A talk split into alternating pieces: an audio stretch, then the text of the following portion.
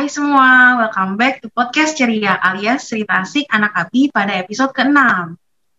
Wah, asik banget nih. By the way, di episode ini, aku Vela dari Angkatan 20 BSD yang akan menemani kalian lagi nih di podcast episode 6 ini. Jangan bosan-bosan ya ketemu sama aku. Nah, tapi aku nggak sendirian nih kali ini, karena aku ada part terbaru nih. Halo semua, aku Clara dari Abi Angkatan 20 Semanggi. Salam kenal ya guys. Aku baru pertama loh jadi host di podcast ceria.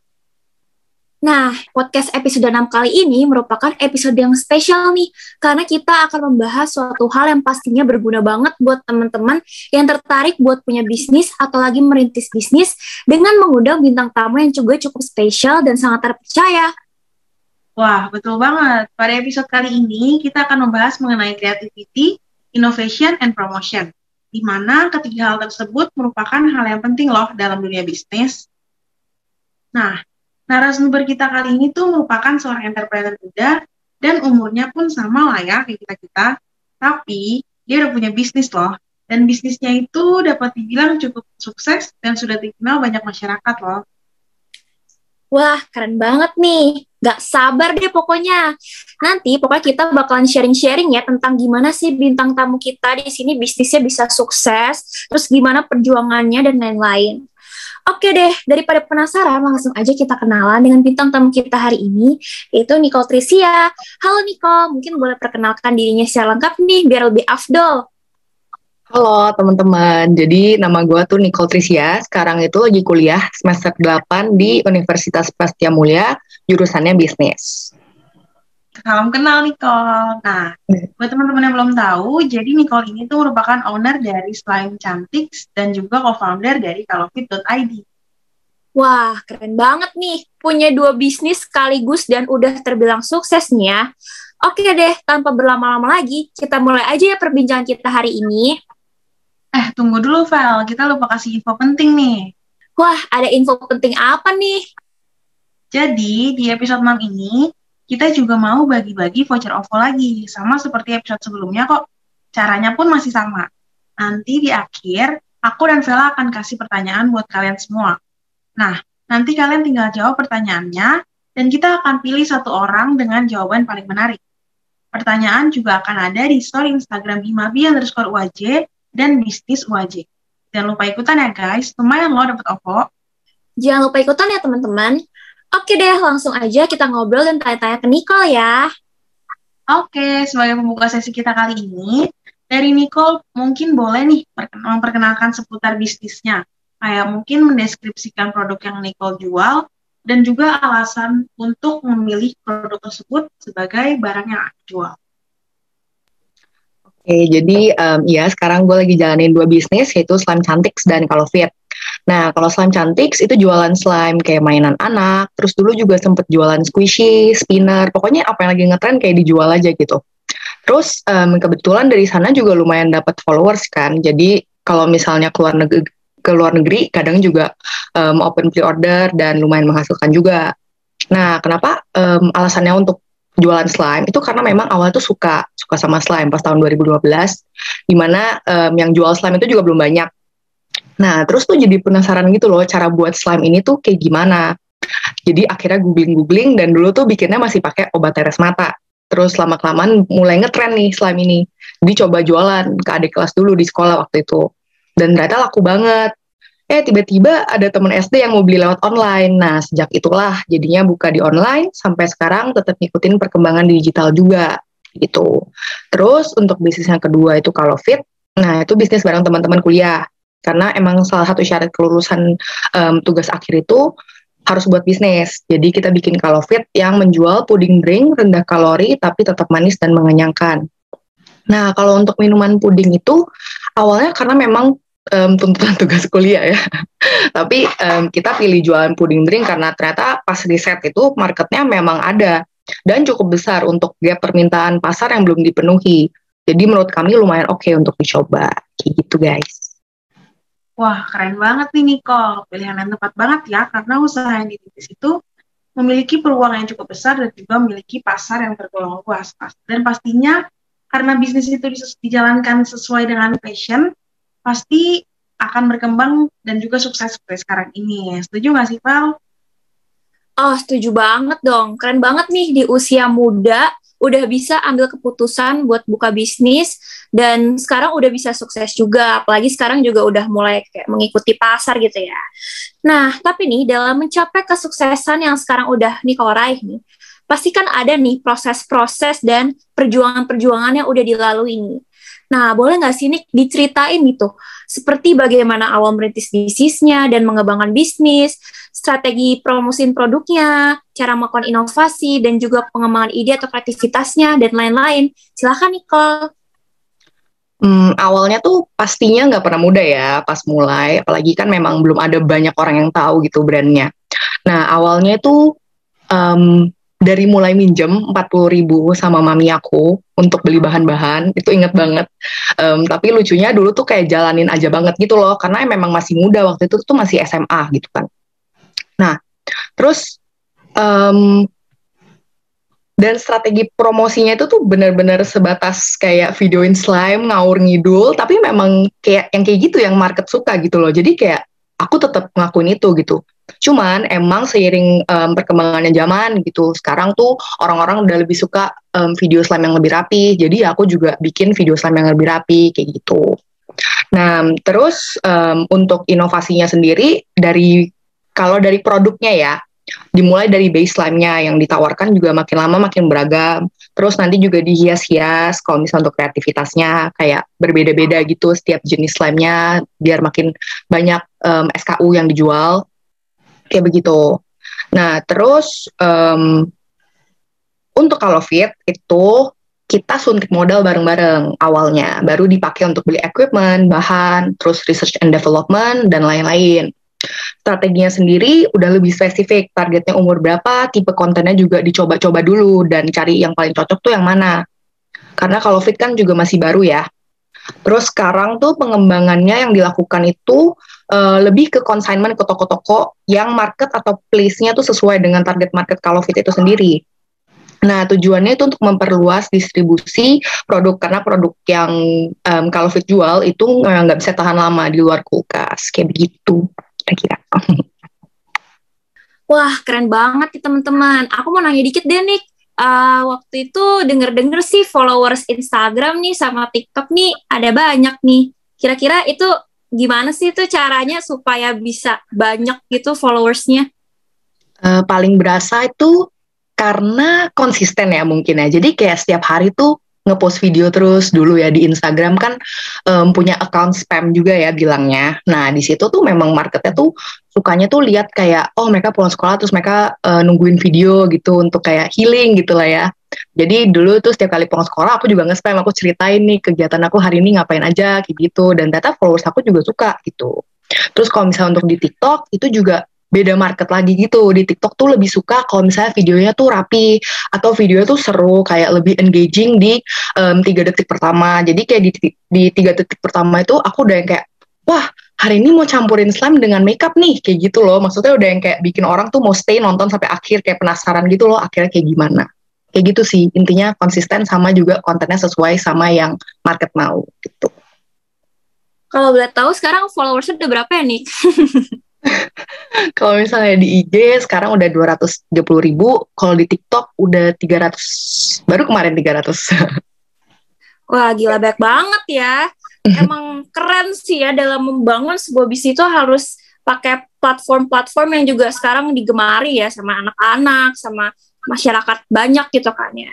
Terus kita juga harus ada pemikiran matang, harus tadi kata Nicole juga harus kenal market kan kita harus kenal nih tipe-tipe orang-orang nih di zaman-zaman itu tuh gimana gitu. Terus habis itu juga harus konsisten. Apalagi dalam membangun strategi seperti kayak promosi dan inovasi dari produk-produk yang dijual supaya diminati oleh masyarakat. Iya setuju banget. Gak cuma asal-asalan aja bikin bisnis di awal. Karena semakin bisnisnya berkembang tuh harus dipikirin terus nih strategi apa selanjutnya yang harus digunakan supaya bisnis itu bisa bertahan dan terus berkembang. Kalau dari cerita Nicole tadi, selama ini perjuangannya dalam merintis bisnisnya itu nggak mudah ya, dan pastinya nggak mulus-mulus aja. Nah, kira-kira apa aja sih Nicole tantangan yang dia yang dihadapi di dalam dunia bisnis? Um, yang pertama itu karena produk yang aku jual itu slime dan itu tuh beneran kayak um, produk yang trending banget gitu ya. Jadi uh, pergerakan tren itu tuh bener-bener berpengaruh banget gitu. Apalagi pas tahun 2018 ke 19 itu jujur sepi banget slime sampai udah diambang mikir aduh apa tutup aja ya gitu. Karena memang banyak toko lain yang udah pada besar itu juga, juga tutup gitu di tahun dua tahun itu.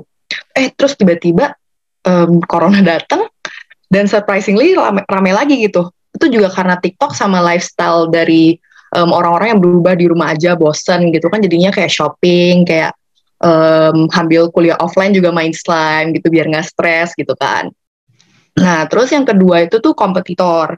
Hmm, kita tuh harus bisa ngejar kompetitor yang udah gede-gede dan juga um, kita harus waspada dengan kompetitor yang baru masuk ke market gitu loh. Karena kayak biasa tuh kompetitor yang baru masuk ke market, mereka tuh udah pelajarin dulu gitu marketnya tuh gimana, kompetitor lain tuh gimana, dan mereka tuh bisa offer strategi yang kayak jauh lebih bagus daripada market daripada brand yang udah gede itu. Nah, jadi kita tuh harus bisa um, branding dari awal yang emang udah bagus, tapi juga harus tetap inovasi sama brandingnya itu.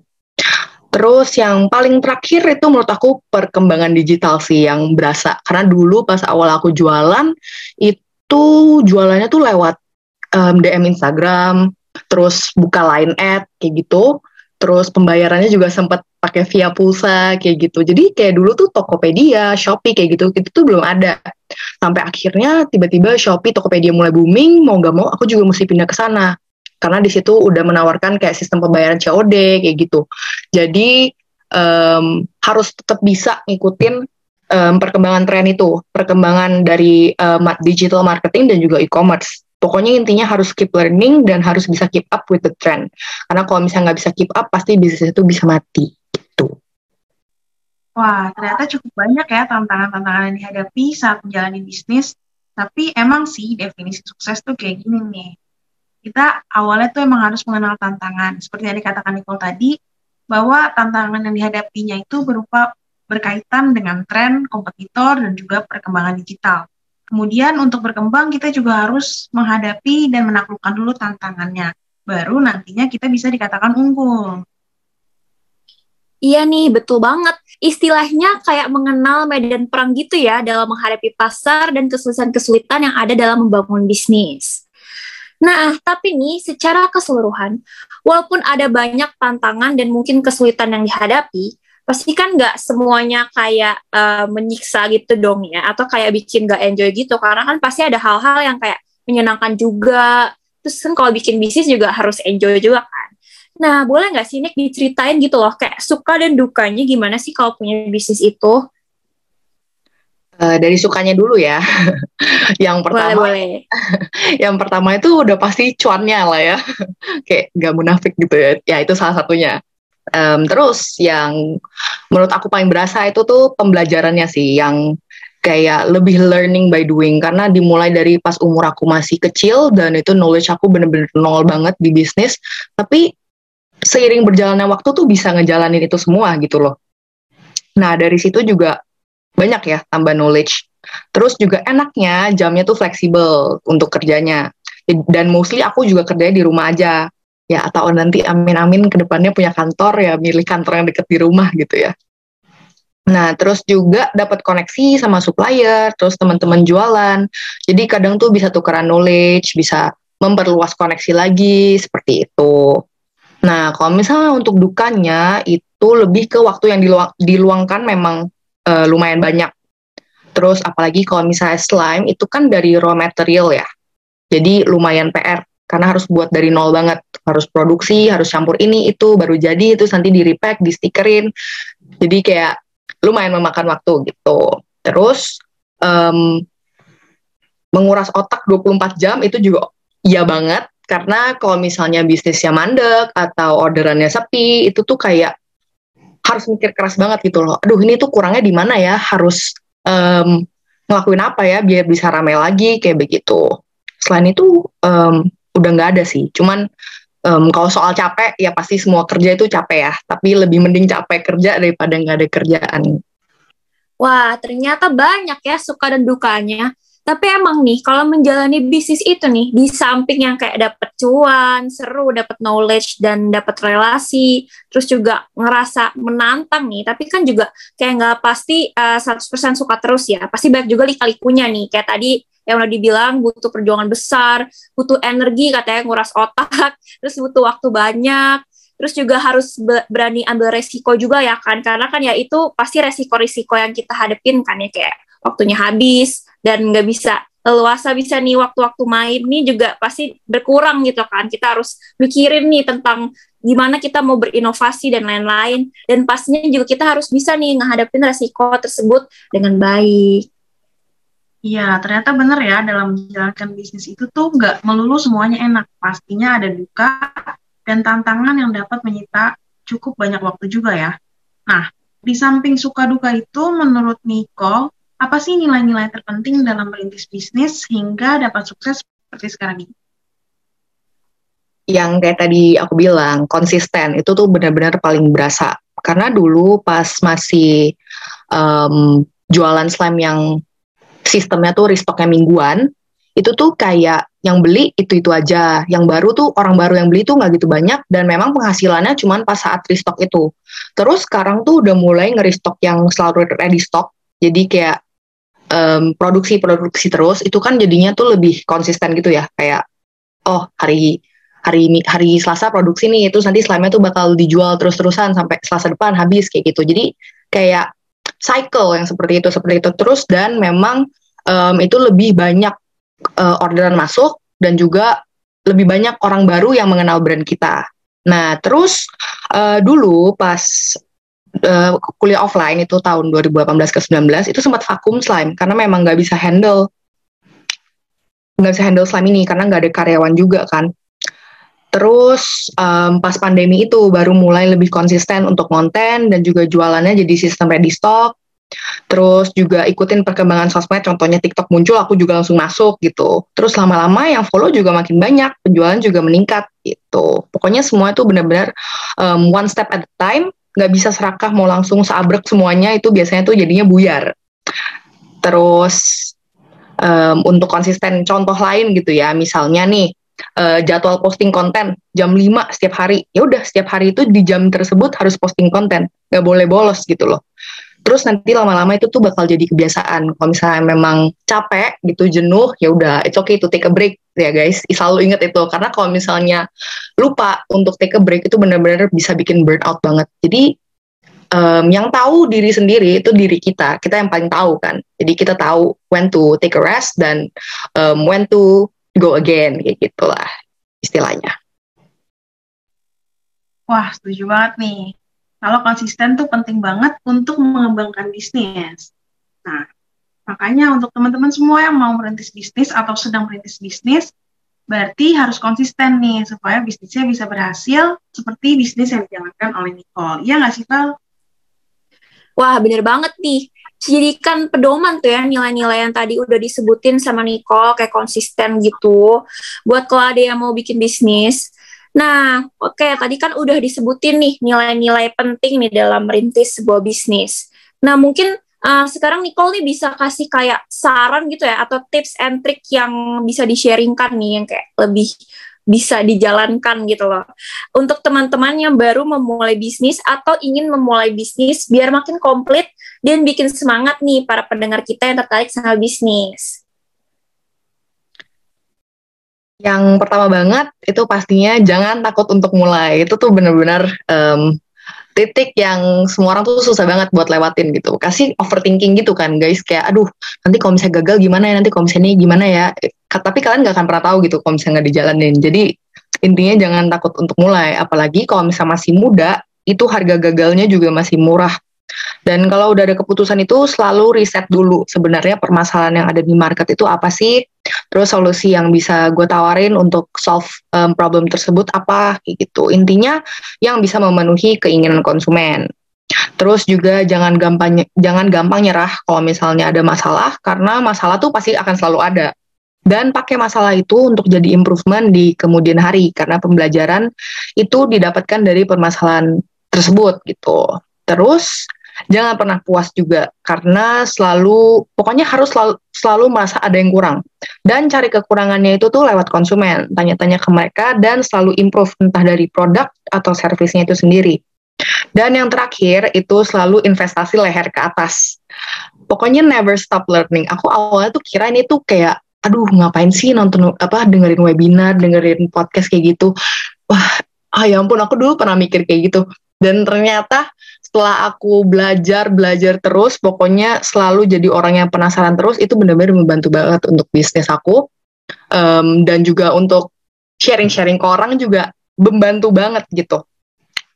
Pokoknya sampai sekarang aja aku masih suka follow-follow Instagram entrepreneur yang suka sharing-sharing tentang knowledge yang mereka punya karena um, kita tuh bisa ngambil dari pengalaman mereka gitu loh. Terus kita inovasiin atau kita um, kembangin kita praktekin ke bisnis kita sendiri kayak gitu terus um, bisa juga nonton lewat video YouTube atau dengar seminar kayak gitu juga oke okay banget Wah, keren banget nih tips and trick yang diberikan oleh Nicole. Pokoknya harus berani mulai, jangan takut gagal, harus bisa mengenal market nih supaya kita kenal nih kayak pasar kita tuh gimana. Terus kita juga harus belajar jangan gampang nyerah. Kita harus belajar, harus terus mencari informasi-informasi baru, pengetahuan-pengetahuan baru dari berbagai orang-orang yang lebih pengalaman gitu ya dari kita ya. Pokoknya semoga ya tips and trick yang diberikan oleh Nicole ini tuh bisa menginspirasi dan mencerahkan pikiran teman-teman ya yang buat yang kayak pengen mulai bisnis tapi masih takut-takut atau gimana. Nah, oke okay deh. Sekarang kan sesi sharing-sharing kita udah selesai nih. Tapi sebenarnya acara kita tuh belum totally selesai. Soalnya ada sesuatu yang kurang nih. Apa sih kira-kira yang kurang, Klar? Nah, sesuai janji kita di awal nih, Vel. Kalau kita bakal adain giveaway saldo OVO nih. Nah, daripada berlama-lama, aku langsung aja kasih pertanyaannya ya. Untuk pertanyaannya, bisnis apa yang teman-teman ingin bangun beserta alasannya? Jawabannya bisa kalian jawab melalui question box di story Instagram at dan at bisnis UAJ. Dan kita akan memilih pemenang dengan jawaban terbaik dan termenarik. Dan nantinya, pemenang giveaway akan diumumkan juga di Instagram story at himabi underscore UAJ dan at bisnis UAJ. Jangan lupa buat ikutan ya teman-teman.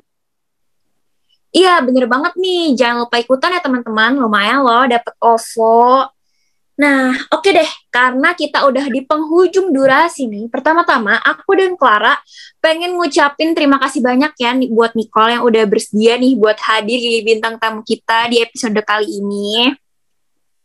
Thank you juga.